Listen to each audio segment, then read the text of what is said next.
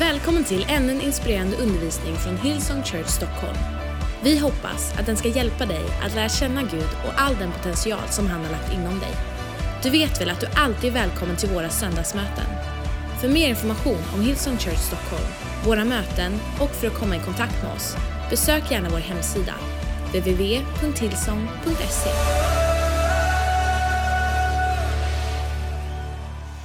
Jag ska dyka in i, i dagens eh, predikan eh, eh innan, vi, det, jag säga, innan det går åt skogen. Eh, vi hade förmånen att vara i eh, San Diego och predika i eh, söndags och sen så hade vi några dagar utav eh, Hillsong Family, våra Hillsong Family-kyrkor i USA. Sen så spenderade vi någon dag med alla leadpastorer i Hillsong tillsammans med pastor Brian och några tv-folk och jobbade med vår nya Hillsong Channel. Var i LA och jobbade med den och kom hem med igår eller förrgår, vad det kan ha varit. Och eh, sjukt eh, jättelägga. Och taggad. Vi startar ett tema idag som heter Take me to church. Take me to church. Och det sjukaste av allt är, vi hade ingen aning om det förrän idag, att han som har en hit med låten Hosier, säger man så? Hosier, han spelar här på Cirkus ikväll. Take me to church, I worship like... Så det är ungefär så långt man kan sjunga på den, för sen blir det väldigt dålig. Men första delen där. Take me to church, I worship like a... Vi tänkte göra en trailer med den låten, men I worship like a dog. Det, blir- det är inte, liksom inte riktigt church, men jag gillar den frasen, take me to church. Och faktum var när jag hörde den låten, en av de första gångerna, take me to church, så tänkte jag på när vår kyrka startade. En del av er ni kanske har kommit med i vår kyrka under sista året eller här medan vi var på cirkus och tänker så här har det alltid varit, men så har det inte alltid varit. Och jag tänkte på första tiden i vår kyrka, hur det var när vi startade vår kyrka. Jag kan säga att en sak jag kommer ihåg, det var att jag var sjukt frustrerad. Och en sak som inte ändrats på tio år, det är att jag är fortfarande sjukt frustrerad.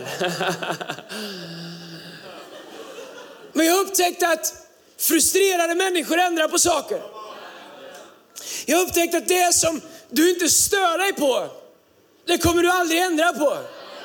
Det är skillnad på att störa sig på saker och på att vara en störig person. Kan man om du är från Göteborg, du vet du hur en störig person är. Johan Enoksson, en störig person. Jag pratar, du är inte så, men du vet du är från Göteborg menar. Ingen här vill vara en störig person. Men vet du vad, jag gillar människor som stör sig på saker och ting. Det var någon som störde sig på att det tog som vansinnig tid att sadla på en häst så han kom på en bil. Eller hur? Det var någon som störde sig på att det tog så lång tid att skriva för han så han gjorde en skrivmaskin. Det var någon som störde sig på att det var liksom så dålig uppkoppling med NMT 010-nummer. Hur många vet vad jag pratar om? Kom igen, lägg inte upp handen. Kan inte börja min predikan med att ljuga. 010. Man var bara glad om någon svarade, så de kom på GSM och sen så har det blivit GPR, så nu är det 4G och allt möjligt. Det var någon som tyckte att det här med ett modem, att man skulle liksom slå, ringa med och det...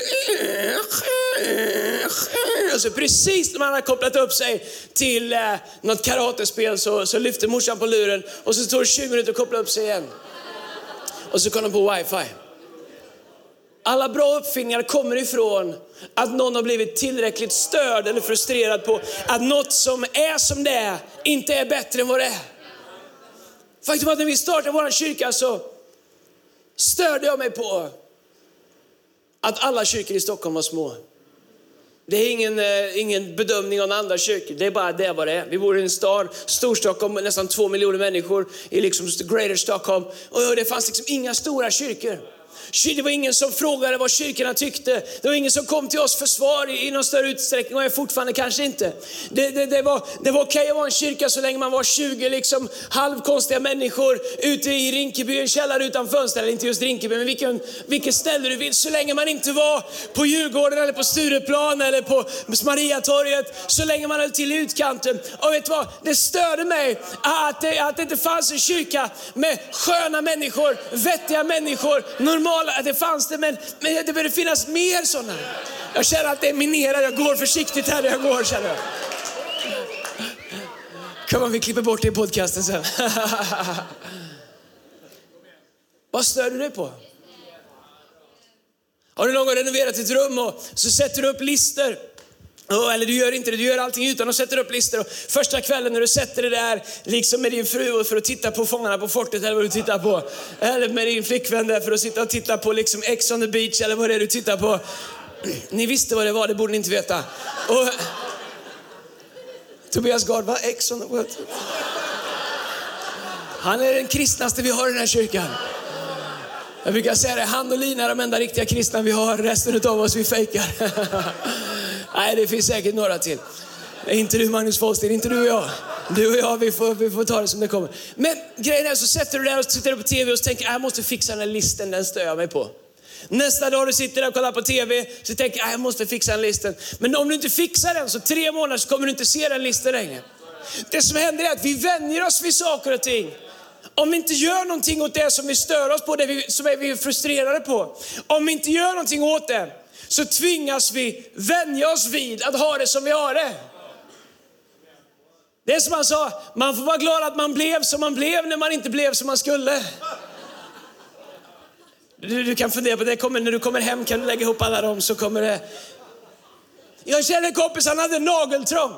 I sin högra stora, två högra stortrån, jag kan inte nämna namn för han är ganska känd predikant. Och, och, han hade nageltrång i sin högra. Och var, det var på den tiden man hade loafers. Det vet inte heller vad det är. Jo, men det, och loafers och vita tubsockar. Det är bara Johan Packarinen som fortfarande kör det.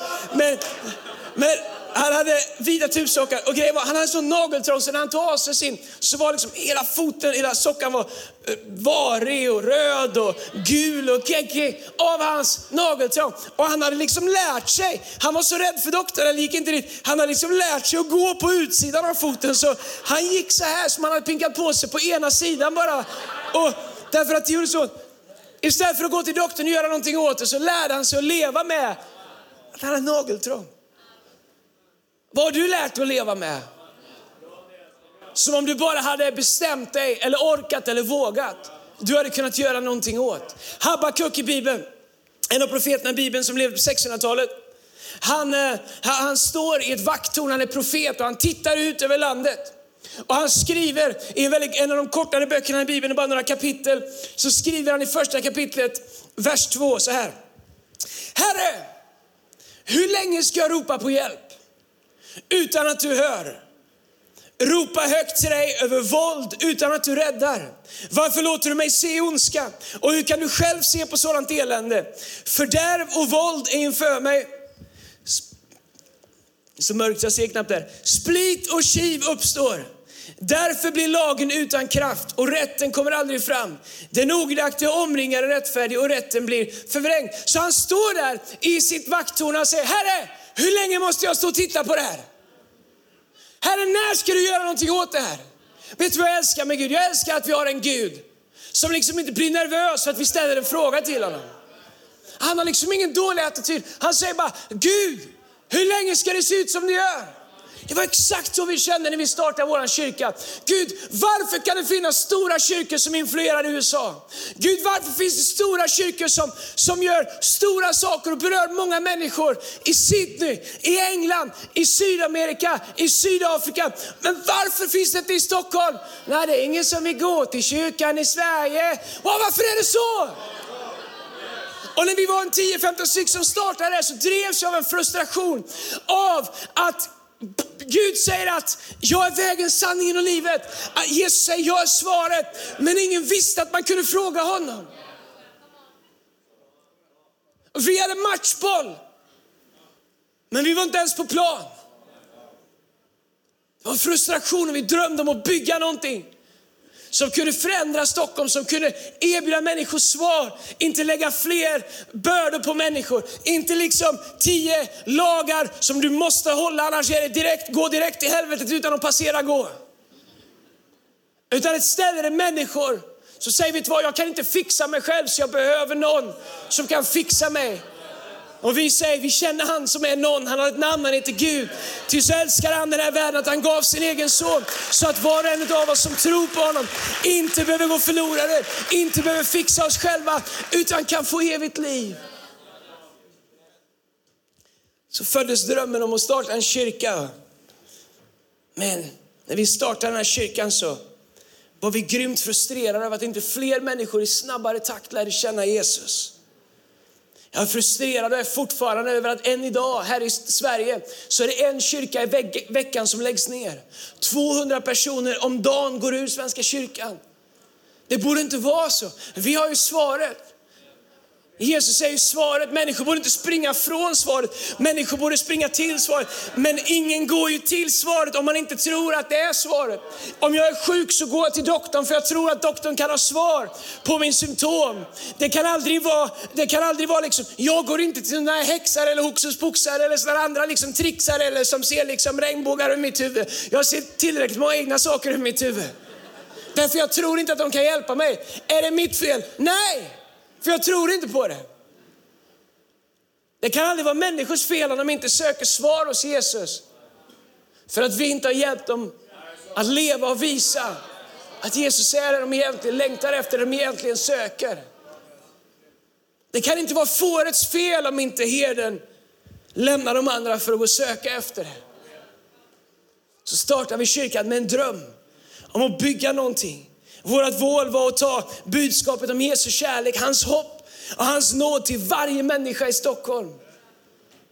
Vi hade ingenting. Ärligt talat ingenting. Och när vi skulle köpa en första högtalare så fick vi skramla lite. Vad har du, vad har du, vad har jag? Någon sålde någonting och någon fixade någonting. Vi hade ingenting. En sån mikrofon som du ser det dräller av här. Vi hade inga trådlösa mickar.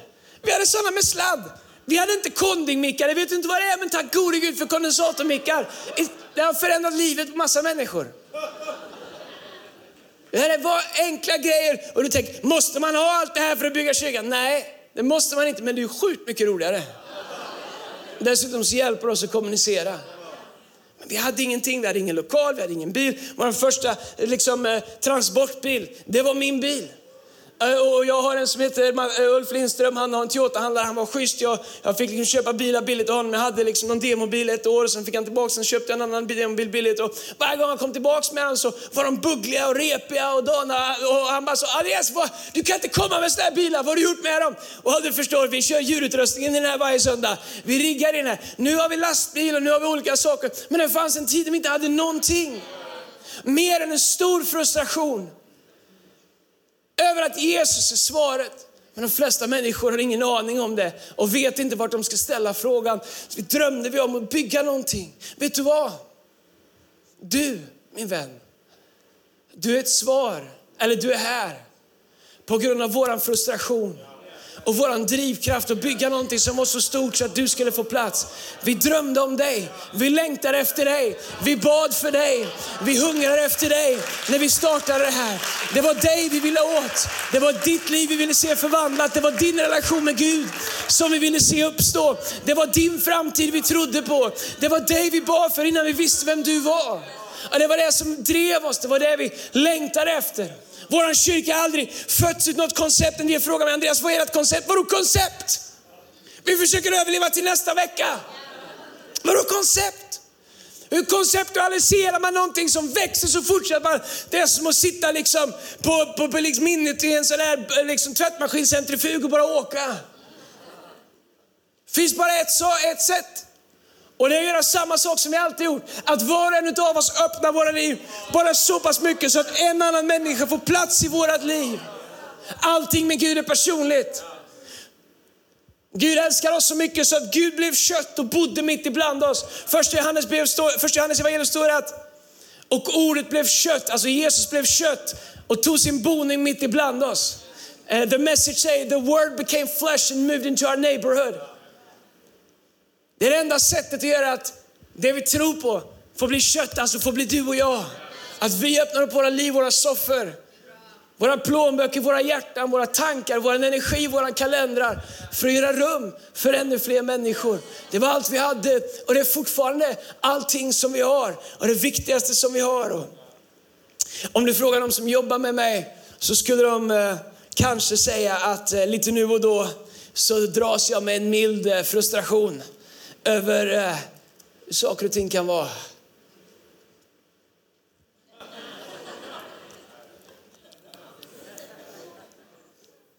Vet du vad jag kan vara frustrerad över? Allt ifrån om vi är färre på mötet än vi borde vara. För det betyder att det fanns människor som borde varit på mötet som inte var här. Vad spelar det för roll? Well, Gud hade kanske velat göra någonting i deras liv. Vet att statistik, statistik, statistiken säger att 98 procent av människor som kommer till en kyrka för första gången gör det för att någon bjuder med dem till kyrkan.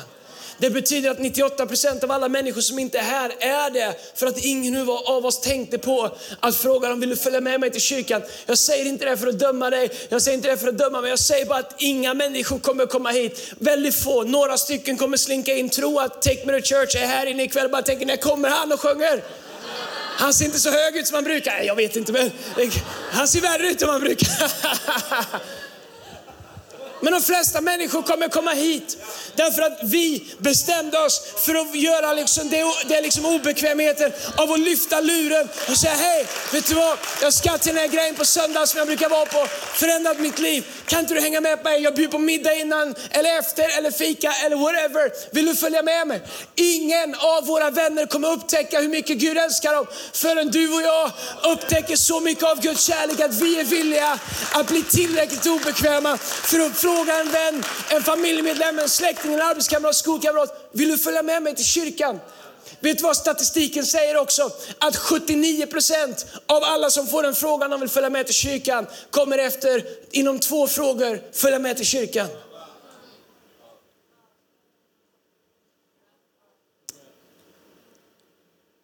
Jag kan vara frustrerad över att eh, så många människor blir frälsta men vi döper så få. Dopet är så förvandlande. Ibland så försöker man förklara med de bästa mänskliga ord man har. Vilken kraft som finns i att låta döpa sig. Hur fri man kan bli från sitt förflutna.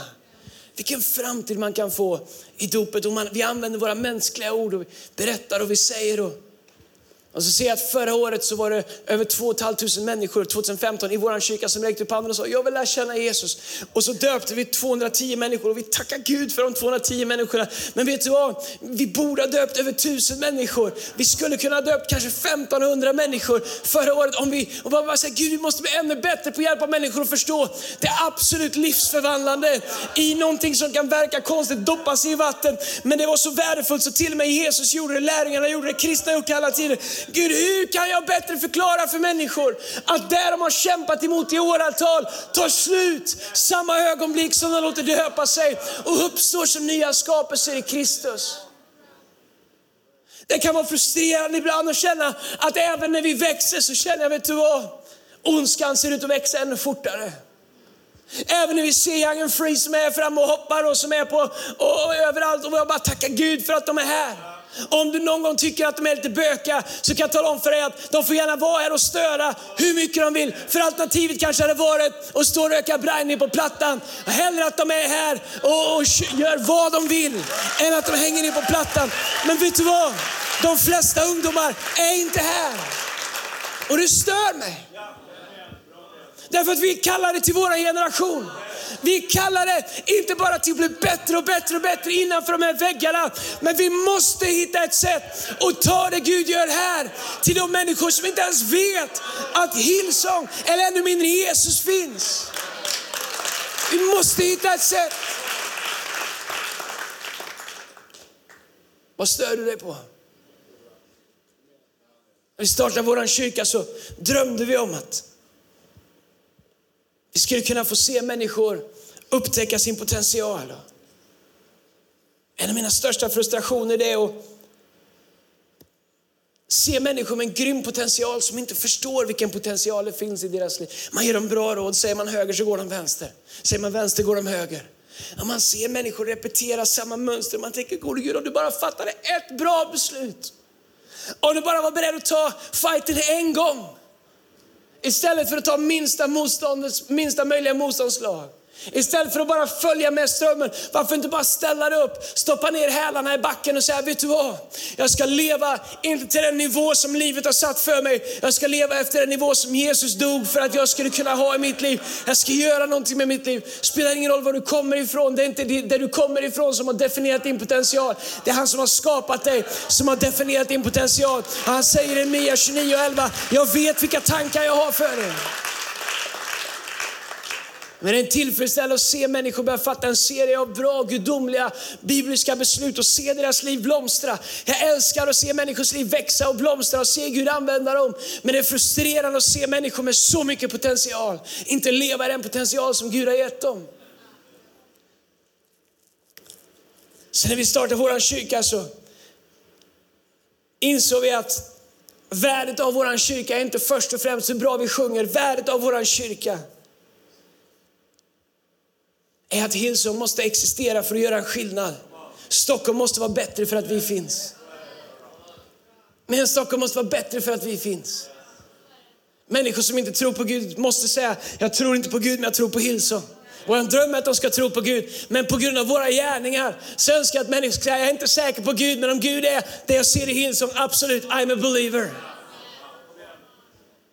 Våra uppsträckta händer till Gud måste bli utsträckta händer till människor. Våra uppsträckta händer i tillbedjan måste bli utsträckta händer till, till människor. Okej, okay, jag, jag har fem bara saker om vad vår kyrka är. Och, och grejen är fem sanningar om vår kyrka. Jag hann två i morse. Du ska få dem väldigt snabbt så ska du få de andra tre sen.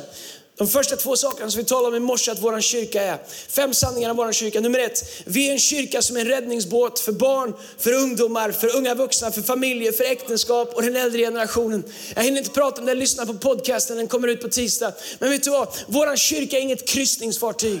Mitt jobb är inte att catera till varje liten önskan som du har, även om vi gör vårt bästa för att göra allt vi kan för att, för att betjäna dig så mycket vi kan. Mitt jobb är att leda en armé som säger vi är här för att rädda människor som håller på att drunkna. Vi är här för att kasta livlinor till människor som håller på att drunkna. Vi är inte här för att leta efter färdiga människor. Jag sa att om du ser någon som håller på att drunkna och du står vid standen så, så, så, så, så tänker du inte, oh, om jag bara hade haft en båt och en flytväst så jag har säkert sjövett, då kunde jag ha rott ut och hjälpt den där människan som håller på att sjunka där. Men eftersom jag inte har det, jag har bara en båt, men alla vet att man går inte ut i en båt utan flytväst, så jag är inte utrustad, jag är inte färdig för att rädda människor.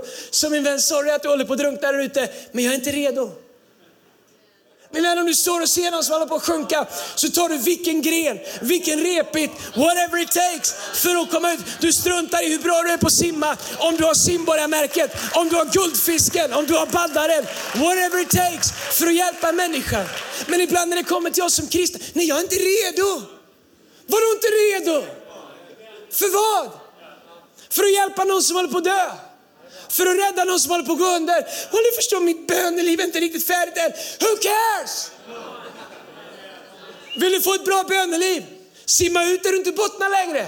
Men om du vill tala i tungor, gå ut på vatten som inte, där du inte har fast fotfäste längre. Och du kommer få ett böneliv, du kommer få en gudsrelation som du bara kunde drömma om. Faktum är att när du börjar göra saker som du vet att du inte kan, det är då du är beroende av Gud på ett sätt som du aldrig har varit tidigare. Och du kommer se Gud på ett sätt som du bara kunde drömma om innan. På stranden behövs inte så mycket. Och jag håller på att jobba med mig själv. Jobba fortare! Därför att varje dag så drunknar människor. För att vi håller på att fila på en utrustning. Hur ska knuten vara? Jag tycker man ska ha dubbelknut. Nej, jag tycker man ska ha råbandsknut. Nej, jag tycker... Jag läste en blogg. Alla kommentatorsfält sa att ska man knyta en knut för att rädda någon, då ska den... Hjälp, jag dör! Nej, måste du hålla på och vara så extrem? Vi håller på med knutar här. Människor struntar i hur vi knyter, knyter, knyter knuten. Människor undrar, är ni de som kan hjälpa mig upp på land? De struntar ganska mycket också i vad, exakt vad du tror om blodmånar och annat. När Jesus kommer före och efter, under eller innan. Men de undrar, är du det? Kasta ett rep tillräckligt långt. Därför att jag orkar inte trampa vatten längre. Mitt äktenskap håller på att gå sönder. Mitt själsliv är trasigt. Jag har sökt 20 jobb och fått nej hos alla. Jag håller på att ge upp. Är du den som kan kasta en lina? Samma ögonblick som du upplever hans nåd så har du mönstrat in i räddningssällskapet som är här för att rädda människor som sjunger, sjunker.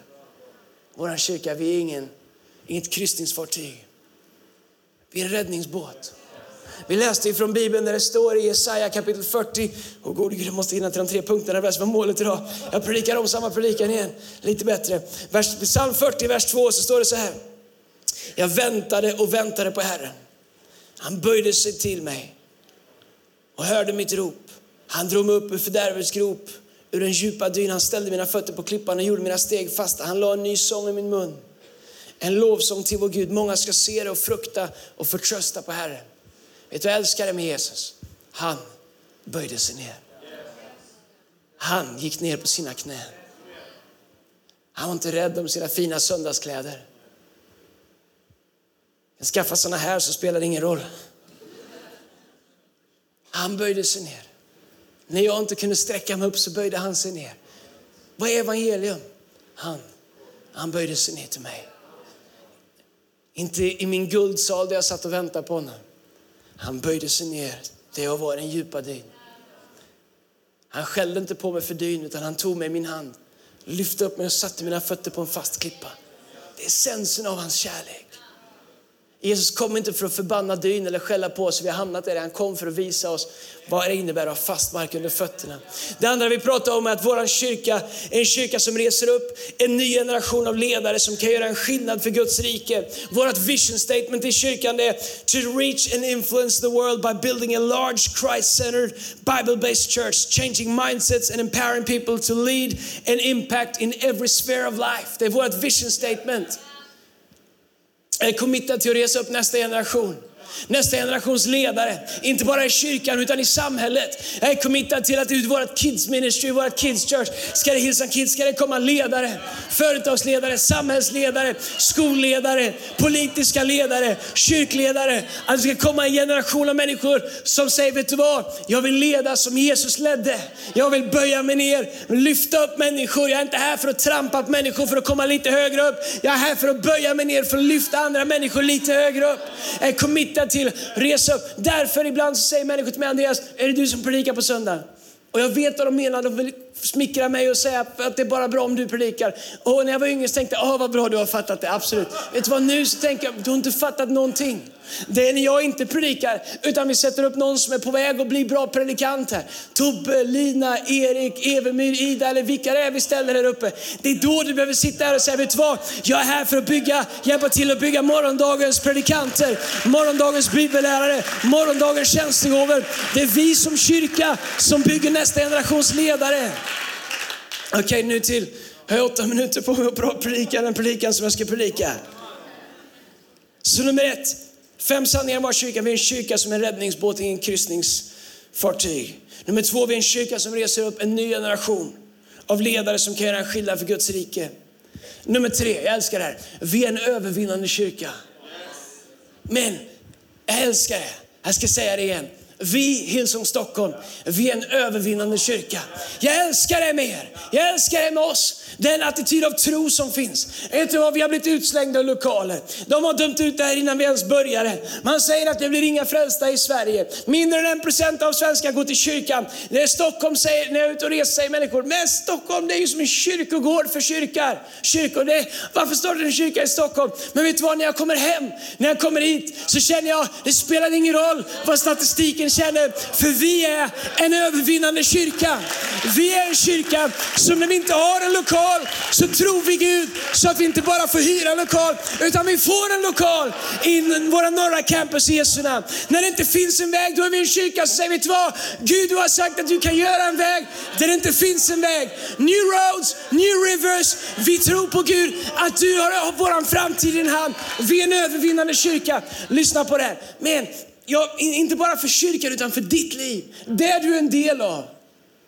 En övervinnande kyrka, inte på grund av vilka vi är, men på grund av han som är i oss. Det innebär att i ditt liv, i din vardag, så är du mer än en övervinnare. Men jag känner mig inte så. Well, det har ingenting att göra med hur du känner dig. Det har att göra med, är Jesus en vinnare? Är Jesus en övervinnare? Är Jesus en övervinnare? Ja! Bor Jesus i dig? Ja! Vem bor i dig? En övervinnare. Vad gör det dig till? En övervinnare. Ibland får vi övervinna det faktum att vi inte alltid förstår varför Gud inte gör det vi ber om. Men det är också att övervinna och lita på Gud och följa honom genom allting. Men lyssna här i femte Mosebok kapitel 28, vers 1. Jag ska försöka läsa igenom det här utan att göra mina backflips som jag bara gör när ingen ser. Eh, det här är grymt alltså. Vers 1. Om du lyssnar till Herren, din Guds röst, genom att noggrant följa alla hans bud som jag idag ger dig då ska Herren, så ska Herren din Gud upphöja dig över alla folk på jorden. Och alla dessa välsignelser ska komma över dig och nå fram till dig när du lyssnar till Herren i Guds röst. Vet du att en engelska översättning säger overtake, alltså brotta ner dig. Hans välsignelse ska jaga ikapp dig, hålla fast dig, brotta ner dig och liksom välsignelserna håller fast dig. Men jag älskar Gud, alltså. jag älskar hans, hans generositet. Vers nummer tre, välsignad kanske du kan bli Välsignad skall du vara i staden, välsignad ute på marken. Välsignad ska din moderlivs frukt vara och din marks gröda, alla bönder från Skövde. Det är din boskap föder, din nötboskaps kalvar och lammen i din jord. Välsignad ska din korg vara och välsignad ditt baktråg. Välsignad ska du vara när du kommer in, välsignad ska du vara när du går ut. När dina fiender reser sig upp mot dig ska Herren låta dem bli slagna inför dig. På en väg ska de dra ut mot dig, men på sju vägar ska de fly för dig. Herren ska befalla sin välsignelse att vara med dig i dina förråd och i allt vad du företar dig. Han ska välsigna dig i det land som Herren ger, som Herren din Gud ger dig. Herren ska upphöja dig till ett heligt folk åt sig, så som han med ed har lovat dig. Om du håller Herren din Guds bud och vandrar på hans vägar. Och alla folk på jorden ska se att du är uppkallad efter Herrens namn och de ska frukta för dig. Herren ska ge dig överflöd av allt gott, barn, avkomma från boskapen och gröda på marken i det land som Herren med ed har lovat dina fäder att ge dig. Herren ska öppna för dig sitt rika förrådshus, himlen för att ge regn i rätt tid åt ditt land och välsigna alla dina händers verk. Du ska ge lån åt många hedna folk men själv inte låna av någon. Herren ska göra dig till huvud och inte till svans. Du ska endast vara över och aldrig under om du lyssnar till Herren din Guds bud som jag, ger, som jag idag ger dig för att du ska hålla och följa dem. Men jag älskar att Gud säger, om vi följer Gud, då är vi mer än övervinnare. Men lyssna. Om vi följer Gud. Om vi följer Gud. Vi kan inte ta det, jag kan inte ta det här och säga Gud, jag tar 5 Mosebok 28 eh, och, och vers 1-13. Du vet vad du har lovat, kom let's do my thing. Om du idag hör Herrens bud, om du i allt följer hans bud, om du vandrar på hans vägar, att ge sig till Gud, att överlämna sig till Gud, det är att acceptera att leva som huvud och inte svans. Det är att välkomna välsignelse som är, ibland verkar helt orättvis. Varför växer vår kyrka? I don't know. Det är Guds nåd. Vi har bara gjort allt vi kan för att försöka behaga honom och göra det han har kallat oss till. Vi har ingen teknik, vi har ingen metod. Men han har sagt att han ska lyfta upp oss till ett exempel och till en uppmuntran för alla folk. Han säger att vi är som en stad på berget så att människor i mörker ska kunna se på den staden som en fyrbåk, som ett, som ett, hav, som ett skepp som seglar på ett mörkt hav, som plötsligt ser en fyr och säger, vet du vad, vi kanske kan klara oss till land. För våran skull? Nej. För andra människors skull. Förstår att du hjälper ingen människa med att säga, jag vill inte leva det där. Det där låter som trosförkunnelse. Är ni en sån där troskyrka? Vad vill du vara med i en otroskyrka? Vad vill du vara med i? Det låter som så amerikanskt. Superpositivt. Vad vill du ha? Nej, det skiter sig säkert för dig den här veckan. Hoppas inte för mycket på det jobbet. Det är bättre att vara pessimist och bli positivt överraskad. Man vet aldrig. Var nu inte för glad för att du har blivit ihop med den där tjejen. Man vet att det finns många andra också. Ja, ja, var inte säker på skatteåterbäringen. De hittar säkert något avdrag som du bor inte, som du inte fick göra. Nej, man ska inte ropa hej förrän man är över bäcken. En, en, en fisk i handen är bättre än tio i skogen. Jag vet inte. Ja. Nej, jag hjälper inte någonting. Men Andreas var lite realistisk. Realism har tagit våran värld dit den är. Ingen här inne behöver realism. Alla utav oss här behöver någonting som är över våran reality. Någonting som är supernatural. Jag behöver inte realistiskt. Mitt realistiska funkar inte. Jag behöver hans övernaturliga. Jag behöver, jag som är en loser, som föddes utan förutsättningar. Jag behöver någon som säger, vet du vad? Andreas, du kanske inte har några förutsättningar. Du kanske inte kom från perfekt familj för att bli predikant. Du kanske inte gick rätt bibelskolor. Du kanske inte fick fullständiga betyg från nian. Men vet du vad? När jag kommer in i dig så kan jag göra dig till mer än en övervinnare. Det finns ett syfte, ett purpose, en mening. Och detsamma gäller för dig. Vi är en kyrka som är övervinnare. Vi har en övervinnande tro. Förlorar vi en lokal så säger vi tack Jesus för att du håller på att ta oss in i nästa lokal. Stängs en dörr så är det för att en större håller på att öppnas. Vi är en kyrka med en övervinnande tro. Nummer fyra.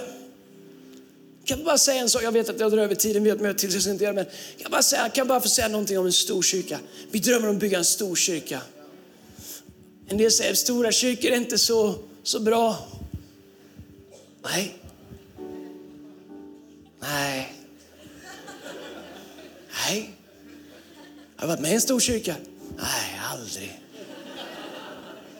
Jag skulle vilja hävda att en kyrka med många tusen personer har potential att nå fler människor än någon på tio. Det, det, är inte ens andligt än, det är bara matematik, det var kassa i skolan. Plus gick alltid bra, men det var de andra exemplen som finns. En stor kyrka kan nå fler. En del säger Andreas, stora kyrkor är opersonliga. Absolut inte. Hur weird du än är så har vi en likadan som du kan bli kompis med. Stora kyrkor är alltid mycket vänligare. Nummer fyra, fem sanningar om vår kyrka. Fjärde sanningen, vi är en kyrka som svarar på vanliga människors verkliga frågor. Men en av de sakerna jag slåss för i vår kyrka, det är att vi inte ska snöa in på saker och börja svara på frågor som ingen ställer. Det finns inte en vettig människa som undrar över alla möjliga saker som vi i, the big, i kyrkan liksom håller på att prata om ibland. de flesta människor har ganska vanliga frågor. Finns det en framtid för mig? Finns det mer än det här? Vakna, äta, jobba, äta, kolla på TV, somna. Jag har varit gift i 15 år, finns det något mer än det här? Ska det bara snurra på? Ska jag leva för en charterresa på en vecka varje år på sommaren när det regnar? Finns det mer? De flesta människor undrar, vad ska jag göra med min tonåring? Vad ska jag egentligen satsa på för karriär? Vem kan hela mitt hjärta? Vem kan plocka upp det som blir kvar?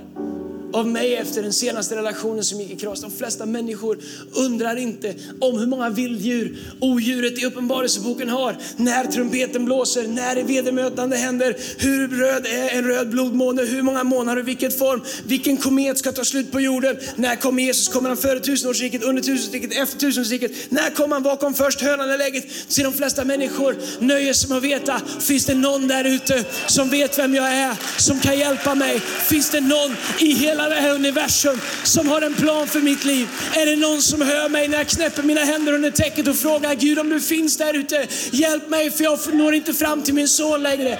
När de knäpper sina händer under täcket och säger hjälp mig, jag vet inte om min fru är otrogen, jag vet inte om min man håller på att lämna mig. De flesta undrar, Gud finns du? Vi är en kyrka som svarar på vanliga människors vanliga frågor. Därför att Jesus kom inte för att bli ett freak. Bibeln står, det står i Bibeln att han gick omkring, gjorde väl och hjälpte alla. Bibeln kallar honom för syndarnas vän. Han kom till dem som experterna tyckte han skulle vara hos. Han sa det inte de friska som behöver en läkare, det är de sjuka som behöver en läkare. Vi kommer alltid vara en kyrka som gör allt vi kan för att vara så normala vi kan inom ramen för allt det övernaturliga som vi tror på. Men vi kommer alltid vara en kyrka som tar människors vanliga frågor på allvar och vill leva våra liv så att vi inte lever som ett fejk. Jag vill inte att vi ska vara en kyrka som går runt och fejkar. Oh, vi är så bra, allt är så bra. Om du tror på Jesus då blir allt superbra. Nej, livet suger ibland även när du tror på Jesus. Men genom allt detta så vinner vi en överväldigande seger. Därför att han som har startat ett gott verk i oss, han är trofast och rättfärdig. Han kommer fullborda det i tidens längd. Han ger inte upp på oss, han sviker oss inte, han lämnar oss inte. Det femte och det sista medan lovsångsteamet kommer upp. Vi är en kyrka med ett kroppsspråk som är attraktivt. Men jag älskar det. Jag var sjukt nöjd när jag kom på den linen. Bibeln liknar församlingen vid en kropp, säger att Jesus är huvudet, vi är kroppen. Om vi är en kropp så har vi ett kroppsspråk. Vad är vårt kroppsspråk? Vad möts människor av när de ser oss? Det blir bättre och bättre dag för dag. Du kan bli frälst och gå och glad. Som jag.